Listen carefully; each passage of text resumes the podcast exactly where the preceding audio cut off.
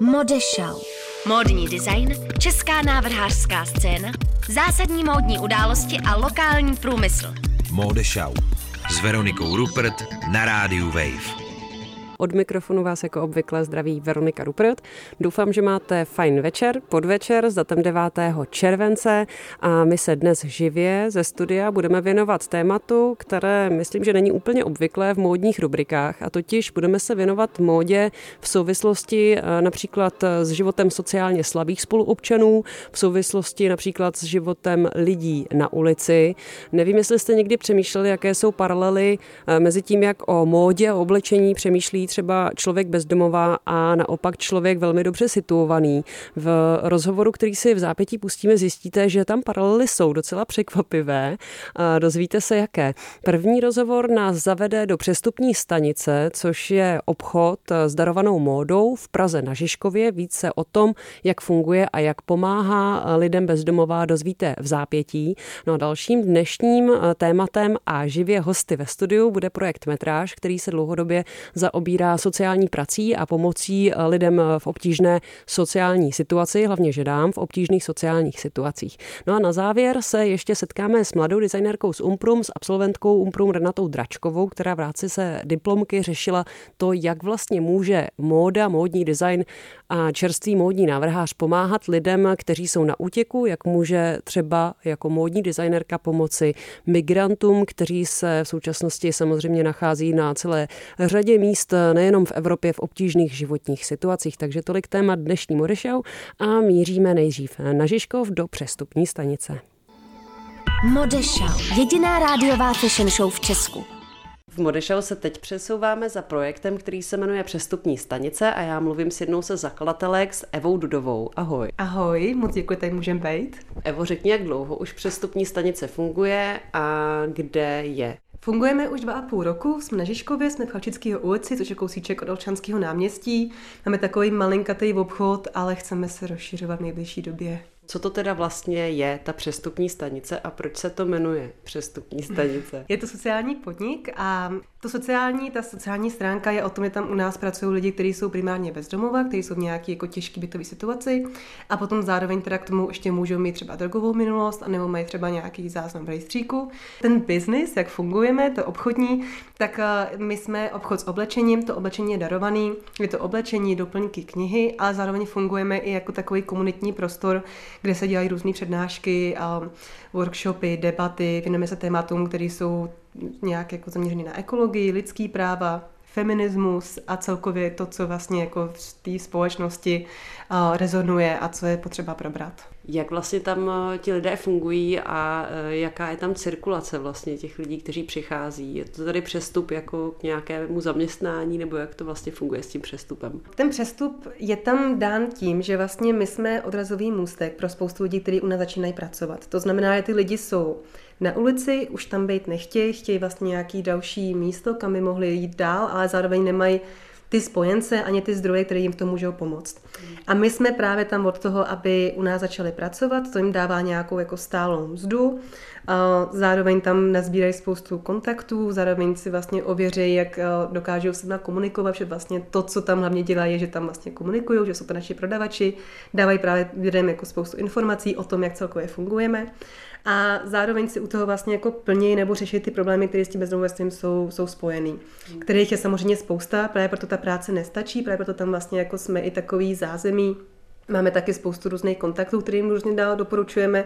A díky tomu oni vlastně můžou postupovat dál bez stresu, v bezpečném místě, není vůbec potřeba někam spěchat. A k tomu všemu teda ještě jako mají ten stálý plat. A zároveň teda fungujeme i pro veřejnost takovým způsobem, že se můžou zapojit nejenom tím, že tam teda jdou nakupovat, což vlastně ten nákup podpoří přímo ty prodavače, kteří tam potom můžou vidět, ale že nám tam teda můžou i přispět tím, že nám teda něco přinesou, že nám něco darujou, anebo že právě chodí na ty naše akce, účastní se jich a zároveň jako teda vidějí, co, co děláme, zapojí se potom třeba jako dobrovolníci nebo jako stážisti a, a vlastně vidějí um, tu přímou pomoc, jak to funguje, kam to vede, kdo je ten člověk, který mu můžou pomoct, tím, že se do toho zapojí. Pokud se lidi podívají na vaše sociální sítě, na Instagram třeba nebo na Facebook, tak tam potkají některé ty prodejce. Vlastně jaké to pro ně je prodávat módu, prodávat oblečení, jak k tomu přistupují, jak oni sami přistupují vůbec k módě. Je to vlastně docela zajímavý, protože my, my jsme tam měli zatím pět lidí za těch dva a půl roku, a že to vlastně jako nejsme nějak, nejsme nějak masoví, máme ty, ty lidi, věnujeme se mi jednotlivě. A každý tomu přistupoval nějakým odlišným způsobem. Třeba se tam měli dva pány a jeden z nich to bral jako, že to je, to je pro ženský, já tomu vůbec nerozumím, to si tam vyřešte sami, já tady jsem, aby jsem podával ty informace, jsem se s tím popovídal a řekl jim co a jak. Potom tam asi máme teď aktuálně Richarda, který um, který se jako, on se to úplně užívá, on se jako do toho oblíká, zkouší si různé věci a už je tak jako vyfintěný, že já si vedle připadám vždycky vlastně velmi zvláštně, protože mám vždycky takový ten model, když to jako, já mám pocit, že bych se taky asi měla oblíkat trošku líp, když teda pracujeme v tom módním butiku. A zároveň tam třeba byla Markéta, která má takový jakoby spíš skeťácký styl, to je tam jako spíš takové věci moc nejsou, tak vždycky trpí, když tam vidí něco hezkého, není to úplně v její velikosti. A předtím tam ještě byla Marika, která naopak jako doporučila těm lidem konkrétní věc, kterou třeba nechtěli, ale která jim potom perfektně seděla, tak si ji nakonec vzali. Že na to opravdu měla to oko, dokázala toho člověka podle jeho typu dát k té dané barvě, která by se mu hodila k tomu danému střihu a prostě byla v tom úplně, v tom byla naprosto dokonalá. To nikdo z nás neumí a o té co u nás není, tak, tak docela jako si říkáme, že to je vlastně hrozná škoda, že to fakt uměla naprosto výborně. Takže tam ten přístup je, je vlastně jako odlišný, ale zároveň je to vlastně zajímavý v tom, že na ulici ta móda funguje hodně jako takový um, jako prvek, který se často mění, který slouží k jasnému účelu, prostě se oblíknout, aby to nějak jako bylo funkční, když to přestane fungovat, když to přestane být čistý, tak to odhodím a jdu si vlastně snad něco nového, něco jiného. Není tam ten aspekt toho, že to vlastně jako držím, peru to, je to spíš výjimečnější. A tady u nás uh, ty lidi vidějí, že tak trochu podobným způsobem k tomu přistupuje i většina z nás, že já si prostě koupím to triko a do nějakých tří měsíců ho nenosím, nebo ho prostě jako ono se třeba taky často zničí, že, že ta kvalita toho je velmi jako nízká. A, a tak taky vlastně to oblečení často lidi mění, že k nám přichází lidi, kteří nám dávají hromady a hromady věcí. Někteří ani jako nepoužijou, nebo jsou jako fakt jenom velmi málo použitý, furt je to ještě módní, ještě furt to vlastně jako by běží v nějakém tom jako tom, tom daným uh, té sezóně, kdy to ještě stále je prostě moderní. A není to vlastně jako až tak, až tak daleko od sebe, ten život na té ulici, kde teda jako toho oblečení mám o dost míň, ale vlastně jako tím, jak nemám možnost se o něj starat, nebo se někde prát, nebo prostě jako někam si ho ukládat, tak mi ani nezbývá nic jiného, než to vlastně jako cirkulovat. A to samý my, kdy to děláme, protože už jako se nám to nelíbí, že už na to třeba nudí, že teď jako asi letí něco jiného. Je to, je to vlastně zvláštní paralela tady v tom. Jak se říkala, tak lidi vám pořád nosí věci do obchodu, takže zboží máte hodně. V jednom z rozhovorů v dnešním dílu Modešau zmiňuje Renata Tračková to, že zkoumala, co vlastně lidi opravdu potřebují, třeba lidé v sociálně obtížné situaci, co jim chybí, co se nedostává v těch charity shopech. Jaká je třeba situace pro vás? Je třeba něco, co vám lidi hodně nosí, ale nedá se to prodat? Nebo vlastně jaká je ta flow těch věcí? Já mám pocit, že si lidi myslí, že jakmile jsme něco sociálního, i když jsme sociální podnik, že vlastně jsme jako charita a jakmile pracujeme se na který jsou bezdomova, takže vlastně ty lidi jsou vděční za úplně všechno. Takže se občas stává, že nám lidi opravdu nosí roztrhané ponožky, úplně jako špinavé kalhoty a my si říkáme, um, že to je asi to jedno možné vysvětlení, že si prostě myslí, že chudý člověk, člověk v nouzi bude i na to hrozně šťastný. Ale pak se samozřejmě stává, že my uh, to nemůžeme zpracovat. My to nemůžeme prodat, my to nemůžeme vyprat, my to nemůžeme vlastně dát nikam dál, protože prostě takovéhle věci to bychom ani neměli kam dát. A zároveň se nedají ani zpracovat na textilní odpad, protože právě firmy, které tomu u nás se věnují, tak nám to odmítají s tím, že to oblečení prostě musí být čistý, musí to mít nějaký parametry, aby to vůbec mohli přijmout. Takže dejme tomu, že polovina těch věcí, co nám lidi nosej, je perfektní a my jsme strašně šťastní, že skutečně vědí, co potřebujeme, vědí, že to mají vyprat, vědí, že to prostě má mít nějakou určitou kvalitu, že to nemá být prostě roztrhaný, že to nemá být jako aspoň trošku moderní. A pak jsou lidi, kteří se jako u nás snaží zbavit těch věcí, které by asi jinak hodili do konťáku nebo oblečení, ale prostě dají to k nám, že si říkají, co kdyby náhodou. Takže se nám stává, že nám tam potom lidi nosí věci, které jsou už jako mimo módu, ale ještě ne tak, aby, ne, jako ty jsou starý, a ne tak, aby to ještě bylo zase jako moderní, a, který vlastně jako nepoužijeme ani my, ani ty lidi bezdomova, protože samozřejmě někdo bezdomova jako nechce být viděný jako bezdomova, takže i, i oni snaží být jako co nejlépe oblečení, jako my všichni, že jo, proč ne? A takovýhle věci potom nám trošku způsobují problémy, že vlastně jako jich máme, je to tak jako půl na půl, no. Někdy to je lepší, někdy jako fakt máme třeba 75% skvělých věcí, které jako rovnou můžeme vystavit a nacenit. A teď jsme třeba probírali sklad a to byla asi nejhorší probírka za celou tu dobu, kdy opravdu jako třetina šla na textilní odpad, třetina šla teda do asilových domů ta poslední třetina se teda u nás potom využije na ten prodej nebo do toho dalšího obchodu. O, ještě s tím souvisí ta poslední otázka, co se děje s těma věcma, které se neprodají, kam vlastně míří a co s tím je, protože toho musí být právě opravdu hodně. My se snažíme takovéhle věci dál distribuovat, pokud to je použitelný, tak se snažíme dát to dál do asilových domů, domů pro matky s dětma, veřejných skříní a free shopů. A to, co není použitelné, se snažíme dát třeba do útulků, kde vlastně se to používá potom pro, pro zvířátka a No a potom teda máme s tím velký problém, protože vlastně jako fakt není firma, která by to mohla zpracovat. Hmm. A tím pádem to jako u nás tak dlouho skladujeme, až to jako nakonec eh, buď někdo od nás odveze, takže to zkusíme dát, že se třeba domluvíme s nějakýma firmama, které potom jakoby vozí dál do Itálie na zpracování jakoby na, na hadry, třeba do myček na auta. A nebo to, to právě zpracovat takový ten, ten hrubý šedivý materiál, mm. který potom funguje jako izolační materiál. A někdy to prostě z nouze házíme taky do, um, do těch konťáků na textil. Teď jsme hodně spojený s Potexem a tam vlastně jako to funguje tak, že častokrát to, co oni vlastně dostanou, je víceméně na ten textilní odpad.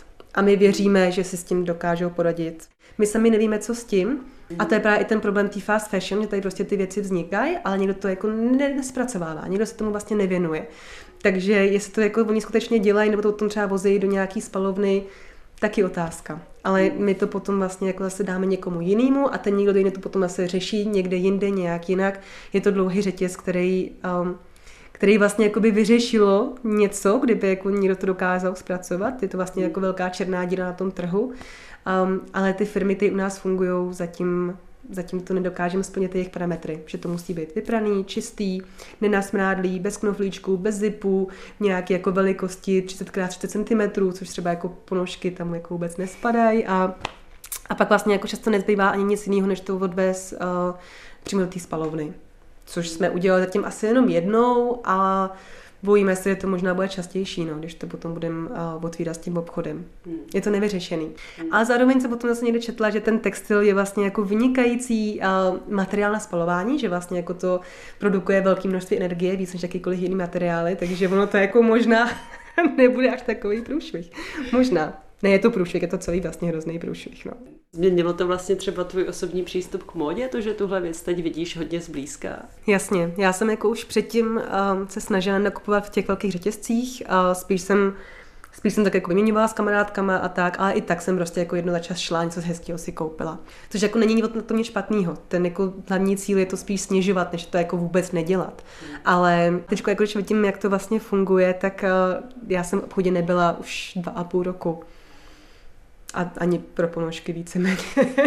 Takže se jako fakt snažím, abychom, aby ta moda byla cirkulární, aby se to prostě měnilo navzájem, aby se to lidi střídali, půjčovali, darovali nebo to nosili k nám, u nás to kupovali, aby podporovali menší obchody, lokální obchody, obchody taky, odkud vidí třeba u toho second handu, odkud to oblečení vlastně je, že třeba spousta těch věcí je z Německa a to taky jako už není úplně ekologický. Někteří jsou z Anglie, vintage, tak to se taky potom jako hodně dováží a je lepší, když to, když to je lokální, když vidí, odkud to je a jaký je ten příběh těch věcí.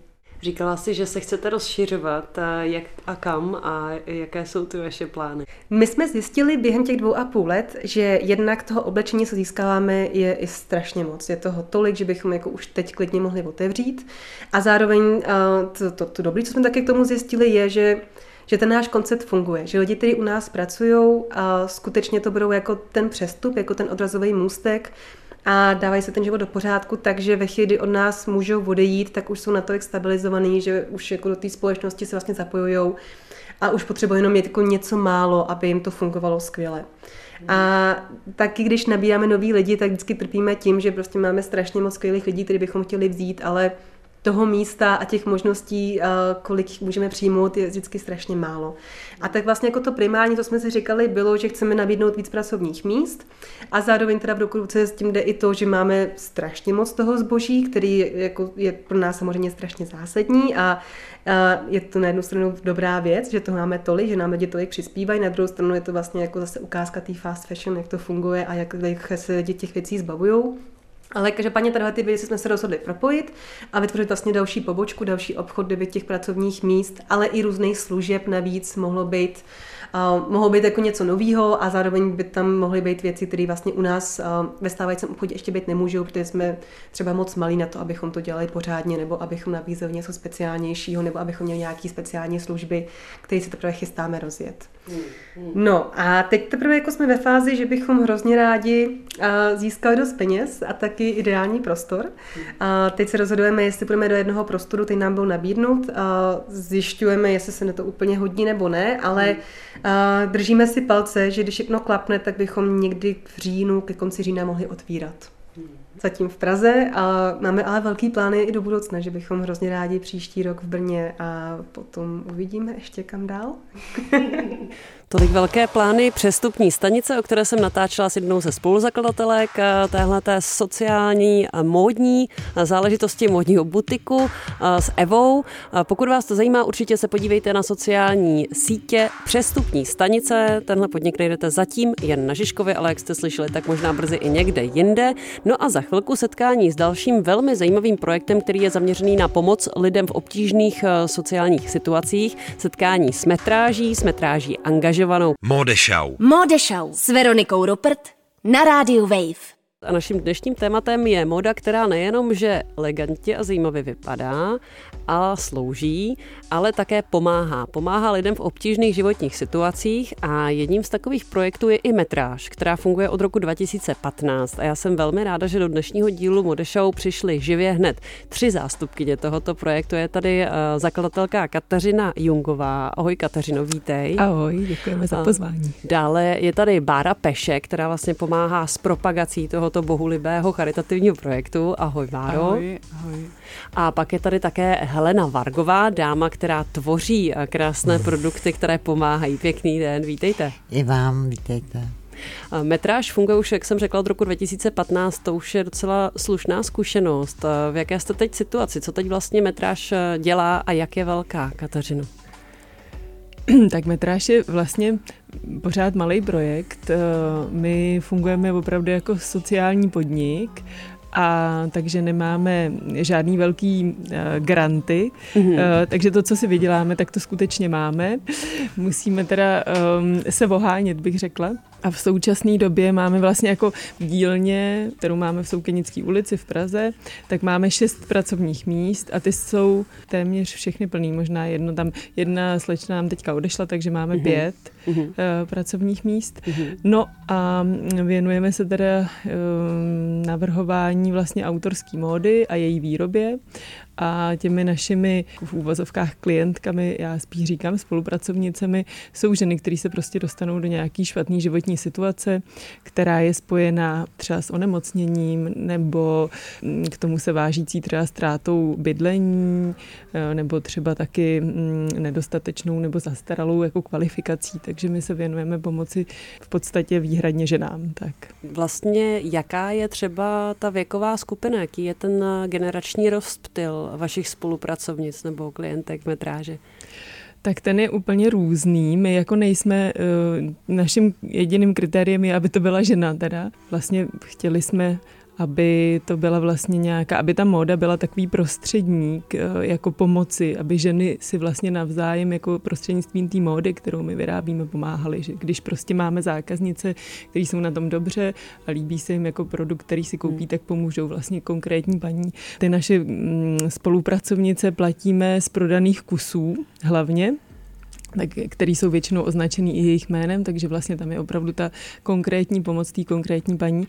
A teď jsem ti neodpověděla na tu otázku úplně, víš? Ty se mě ptala. No, jo, věková ta generace, jestli jo. je to nějak generačně Ne, jako nebo... opravdu není to. Hmm. Měli jsme tam jako mladý slečny, hmm. máme tam jako i ženy vlastně v důchodovém věku, nebo maminky, okolo 30. Hmm, takže 40. to opravdu jenom ta tíživá situace. Jaká je zatím vaše zkušenost za těch několik let, jak dlouho tam třeba ty uh, uh, spolupracovnice jsou, uh, jestli pak třeba odchází někam dál, třeba ta přestupní stanice, která měla prostor před chvílí, tak ta je vyloženě zaměřená na lidi bezdomova, tedy nejenom ženy, ale prostě obecně. Tam třeba bylo zmíněné, že pokračují, nebo že je tam ambice, aby pak pokračovali někam dál. My jsme vlastně jako neomezený. My neomezujeme hmm. tu dobu pobytu u nás. Takže tam eh, spíš máte ty lidi dlouhou dobu, několik let už. Mm, jo, jo, jako jo i ne. Když to teďka vezmeme z toho osazenstva, co tam máme teď, tak třeba půlka je jakoby opravdu dlouhodobá a druhá půlka je vlastně jako hmm. chvilku. Paní Heleno, co vlastně vy jste měla zatím příležitost v metráži dělat, protože tam se dělá spousta různých věcí. Ano, to určitě. Já osobně jsem v metráži už více než dva roky a bylo, stalo se tak, že jsem po, na, využila příležitosti pracovat po náboru kačenčiným a byla jsem po úraze nohou, takže jsem si řekla, že to je taková příležitost pracovat rukama. Hmm. A i když jsem teda nikdy nebyla zručná v těch eh, ručních pracích, tak eh, jsem tomu přišla tak nějak na chuť, no, vyrábíme. Hodně jsem se přeučila, přiučila, i když nikdy jsem k tomu nějak sklony neměla. A teďka mě to baví, zajímá mě to, protože ty náramky, co vyrábíme, nebo náušničky a tak prostě eh, různý procesy jsme tam vytváříme, třeba modelovali jsme háčkujeme a mm, dělali jsme návrhy, vzorku na látky hmm. a je to opravdu zajímavé a nalituju toho rozhodnutí, že jsem tam zůstala. Hmm. A vyrábíme, já třeba konkrétně nejradši mám korálko, korálky, to se našívá na kožený základ nebo uh, i z celé z kůže prostě, je to, je to různý a, a hlavně eh, každý ten náramek je originál, protože jak se ten korálek tam umístíte, je určitá teda předloha, jak by to mělo vypadat, ale nepodaří se tam prostě, aby to tak bylo vždycky stejné, jo, takže to je i zajímavý, no, někdy i pářeme, takže to už tak zajímavý není. Báro, na tobě je teď ten náročný úkol, jak stručně říct, co teda vlastně všechno v té metráži je, jaké jsou ty, jakoby, ty sekce toho, co vlastně metráž nabízí a mhm. produkuje a jaké jsou vaše plány s tím?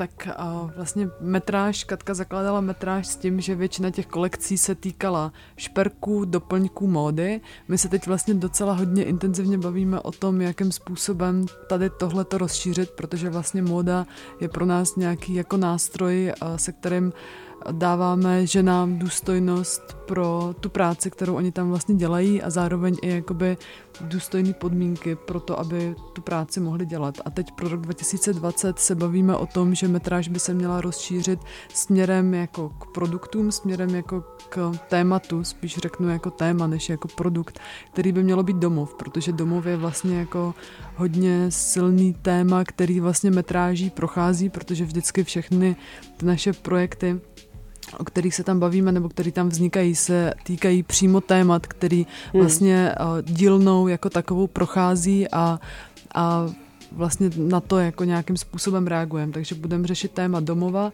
a toho, co vlastně domov vůbec znamená a co znamená jako pro ženy v dílně a co znamená třeba i jakoby pro nás a jakým způsobem uh, by z toho měly vzniknout produkty, nejenom móda a šperky. Ale teď hmm. úplně jako nejaktuálněji uh, řešíme téma svobody, protože bude 30 let vlastně od sametové revoluce taky mm. a vlastně už uh, skoro tři čtvrtě roku uh, se v dílně pracuje na nové kolekci stříbrných uh, šperků, kterou budeme představovat na podzim. Vlastně lidi nás můžou vidět na design bloku, takže určitě přijďte na design blok, kde tu kolekci poprvé představíme a je to právě Nejsme si úplně jistí, ale... jestli to stihneme. měli bychom, něco měli bychom. představíme, ale možná to nebude ještě tahle ta kolekce, uvidí se.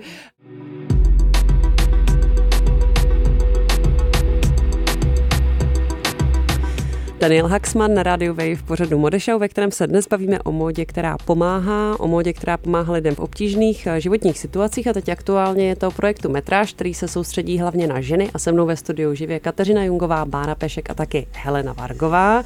A teď už se dostáváme k metráži angažované, což je vlastně velmi zajímavý díl vaší práce. O čem to vlastně bylo ta metráž angažovaná, Kateřino? Tak metráž angažovaná je vlastně docela rozsáhlý projekt, který se sestával z výstavy, eh, pak z knížky, kterou jsme napsali a pak vlastně ho tvoří ještě oděvní kolekce.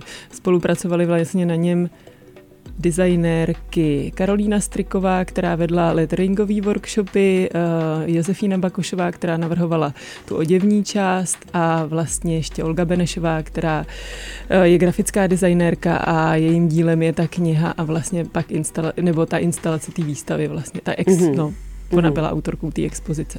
Uhum.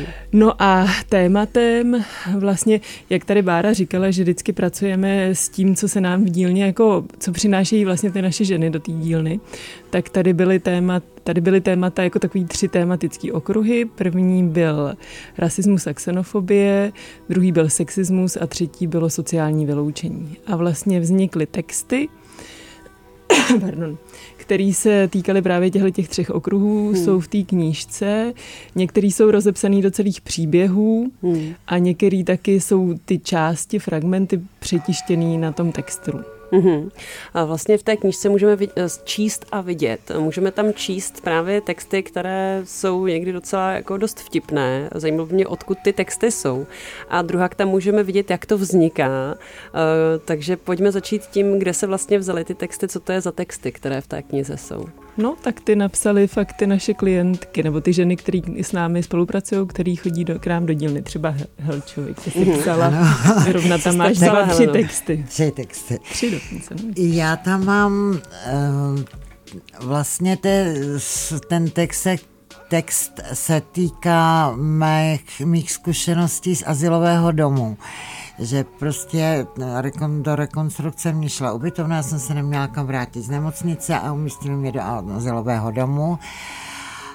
A tam vlastně jsou ty zážitky moje, jak eh, jmenuje se ten uh, příběh o nepostradatelnosti klíčů, když prostě žijete někde a, a ne, není to vaším domovem, že prostě ten klíč máte stále jakoby jenom půjčený, jo? že prostě je to takový, co ten člověk prožívá uh, v sobě. To je krásný text, hmm. takový no, transcendentní. Potom tam mám příběh o houslistovi, to zase eh, když chodím do práce, tak nějak jak na, jak na mě působí, jak se lidé třeba přivydělávají takovým decentním způsobem. Hmm, hmm. A ten pán je Rom, že jo? A ten pán takže je Rom, ten text... takže se to týká rasismu vlastně. Mm. A tak nějak, že člověk se nad tím zamyslel a jde to, jde to prostě, ty city jdou tak nějak navrh, že snad ti lidé si z toho něco vezmou, nebo hmm. a právě eh, nejdřív jsme napsali ty příběhy a potom jsme to měli stvárnit nějakým tím písmem, že no, uhledným nebo neúhledným. Takže jsme začínali, co by školáci, tak eh, různé druhy písma, různé psací náčiní jsme měli, od štětce počínaje, přes na obyčejnou tušku, redispero, štětec. Ně, některým tím nástrojem to šlo, některým méně, že jo. Ale ano. je to takový, je to hezký, no, na těch no, musím, to, že v té knižce... na tom tričku to vypadá Aha. velmi hezky. No. Tak, jako v té knižce samozřejmě asi jste vybrali ty nejlepší, je, je, je mi jasný, že jste tam asi nedávali, ale v té knižce to vypadá, že se vám to opravdu jako velmi dobře vydařilo. A vlastně je to i na oděvu tedy ty texty, je to i zapojené do té módní kolekce. Je, je, je no, no, no. Mm-hmm. Dají se ještě tyhle věci eh, někde pořídit a pomoci eh, zakoupením téhle mm-hmm. opravdu moc pěkné a autentické, zajímavé věci plné příběhů?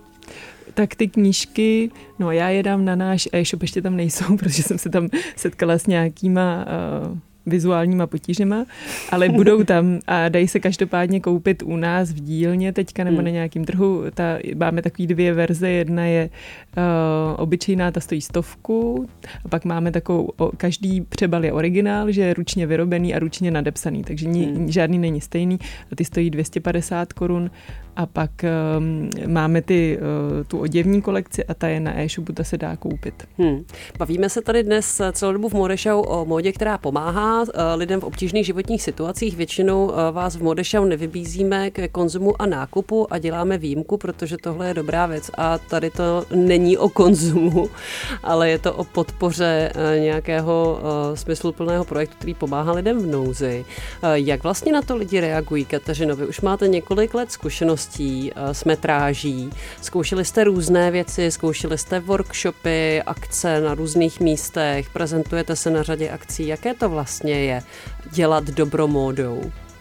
V Česku. Mm, jako je to fajn, když už se k těm lidem dostaneme, tak je to vlastně fajn, tak eh, jako oni to dostanou, ocení, ale právě problém je se tam dostat, protože jak říkala Bára, tady to možná ona o tom může mluvit ještě trochu líp než já, eh, tak to prostředí je hodně konkurenční vlastně, jo, a tý levný jako módy je, mm-hmm. a tý levný módy je hrozně moc. A my nikdy s těma, s těma nákladama a s tou podílem té ruční práce, který na těch našich výrobcích jsou, se nikdy nedostaneme jako do těch Eh, řad toho, nebo do těch, do těch úrovní s těma cenama, jako je fast fashion. A ještě vlastně, jak jsem mluvila o tom konzumu a tak, tak my vlastně eh, většinu těch drobných věcí, těch doplňků, tak upcyklujeme. To jsou prostě věci, které jsou, ehm, kdy využíváme zbytky, odpady, třeba i odpará, odpáráváme různé aplikace jako korálkový z eh, odpadního oblečení a našíváme to pak dál jako na nějaké naše produkty. Hmm. Takže mm, myslím, že tam je i velký podíl že člověk nemusí mít špatný pocit, když se od nás něco koupí, jednak, že někomu pomůže konkrétnímu a ještě vlastně pomůže trošku jako i našemu životnímu prostředí. No ale tak možná, Báro, jestli bys mě Jestli bys mluvila o tom, no, jaký to je jako dostat se k těm lidem. tak je to vlastně, nebo pro, proč se tomu věnujeme, je vlastně to, abychom ženám, který chodí k nám do dílny, tak abychom jim dali důstojné podmínky k tomu, aby si vydělali jako peníze, za který si aspoň jsou schopní jako koupit třeba v zimě brikety nebo jakoby teplý oběd. Takže není to úplně jako ten, stav teď jako aktuálně není ideální a proto chceme právě rozšiřovat to, co metráž dělá a zároveň to, kde ty věci vlastně uh, prodáváme. Mm. Takže uh, od té módy se chceme posunout směrem jako k dalším produktům, abychom právě nemuseli, uh, protože jakmile představíme ten příběh, jakmile jakoby ukážem to, co metráž jako reálně dělá a jsme schopní jako předvyprávět ten příběh, tak k těm lidem se dostaneme, protože vlastně uh, na to jako slyší, uh, zároveň je to samozřejmě zajímá, zajímá je ta myšlenka. Ale tak, abychom představili tu myšlenku, tak vlastně uh, ještě to neumíme jako tak velkému množství lidí, jak bychom si přáli. Takže hmm. to je vlastně to, na čem teď nejvíc pracujeme, abychom hmm. vlastně dokázali tohleto, co je za tou módou, vlastně představit, protože když máme naše šaty vedle jako další dalších deseti šat, tak už uh, mm. vlastně je to jako bezejmená módní značka, což ale my nejsme. Takže mm. na tomhle jako teď hodně, hodně pracujeme.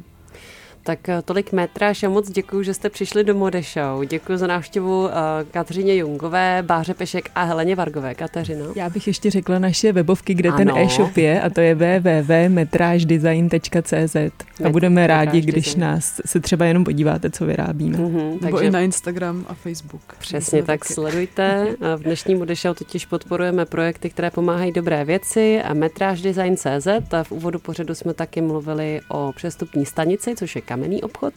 No a za chvilku se setkáme s mladou absolventkou Umprum s Renatou Dračkovou, eh, která zakončila tuto uh, prestižní designerskou školou.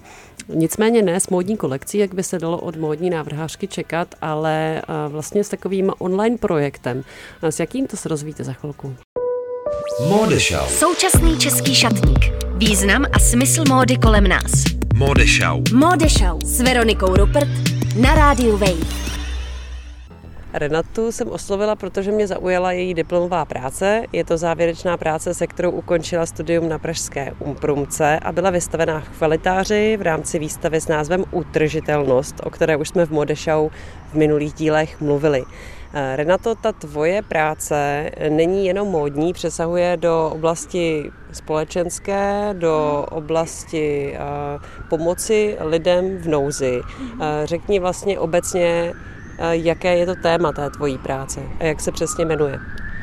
Ta diplomová práce nese název Design se sociálním aspektem vlastně řeším problematiku migrační krze a humanitární materiální pomoci. Jak se tahle problematika dá řešit módou? Z jaké strany si k tomu vlastně jako módní návrhářka přistoupila? Vlastně ze začátku jsem si říkala, jestli je možné jako navrhovat nějaké oblečení pro tyhle účely. A vlastně jsem potom zjistila na základě výzkumu, který jsem vlastně vedla skrze celý ten rok, když jsem na té práci pracovala, tak jsem zjistila, že je to úplná hloupost, že to vlastně jako dělat nemůžu a že to z hlediska etiky a nějaké jako jako nějaké kulturní otázky je to úplně nemožné vlastně někoho v nějaké krizi do něčeho oblíkat, do, nějaké, jako, do nějakého oblečení nebo do nějaké uniformy, nebo jako těm lidem dávat nějaké oblečení, které dělané přímo proto že bych si ho jak... V tom smyslu, jako že by si označila nějak, nebo... Jo, jo, jakože, že by ti lidi prostě věděli, že na sebe mají oblečení, které je určené přímo pro jako migrační krizi. To prostě zní strašně hrozně a jako nedokážu si představit, že bych v tom jako... Mně to prostě přijde jak nějaká vězeňská uniforma. A hlavně ty lidi, jako všichni ti lidi jako z celého světa mají jináčí kulturní jako background a jiné zázemí, tak to ani nejde, jako je nějak násilně do něčeho narvat. Co si nakonec teda vymyslela pro ně, když eh, se vzdala toho oděvu?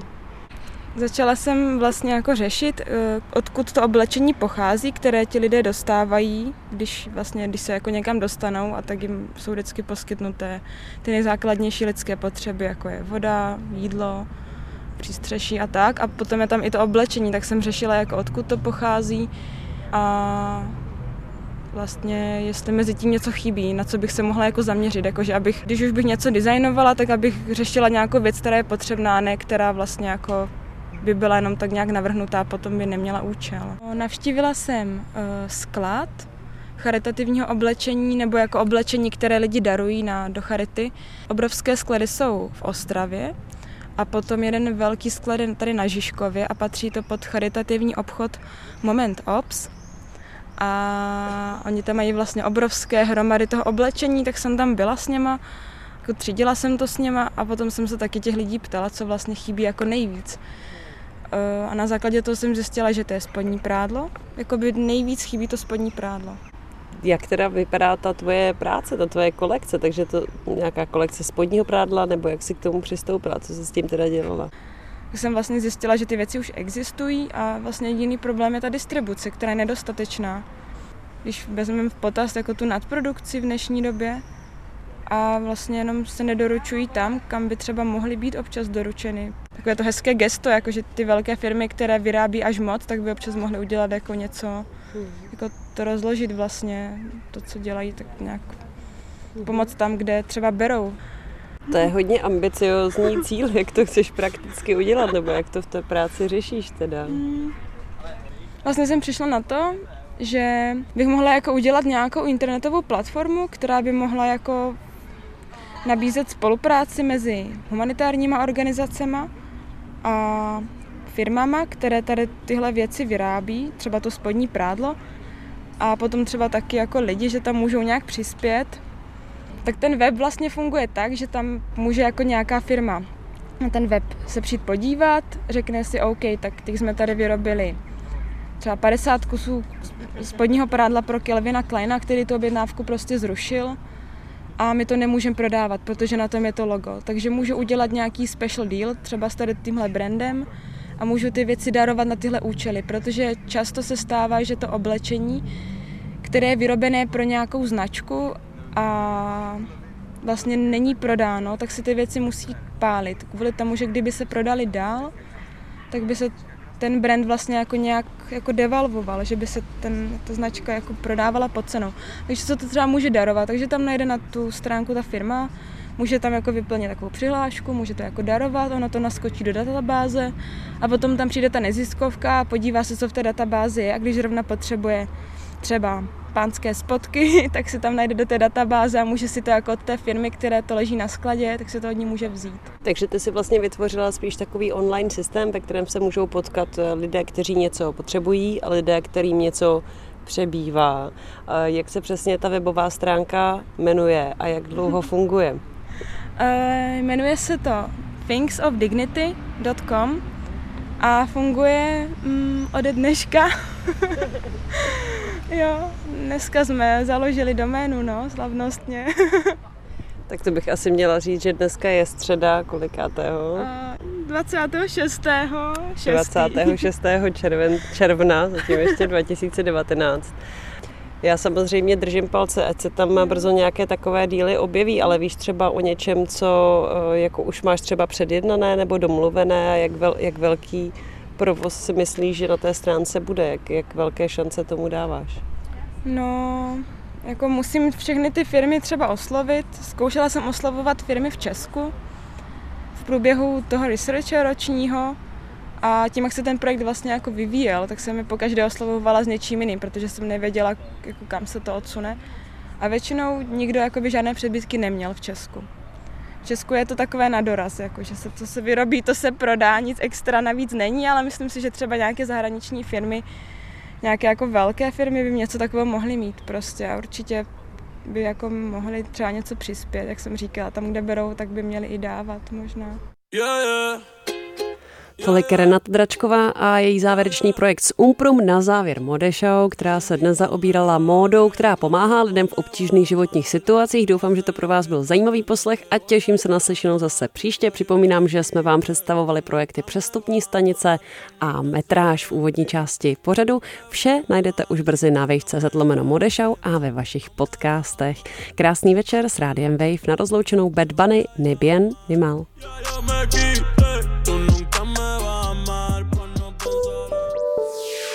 Měj českou módu v kapse a poslouchej Mode Show jako podcast, kdykoliv a kdekoliv. Více na wave.cz lomeno podcasty.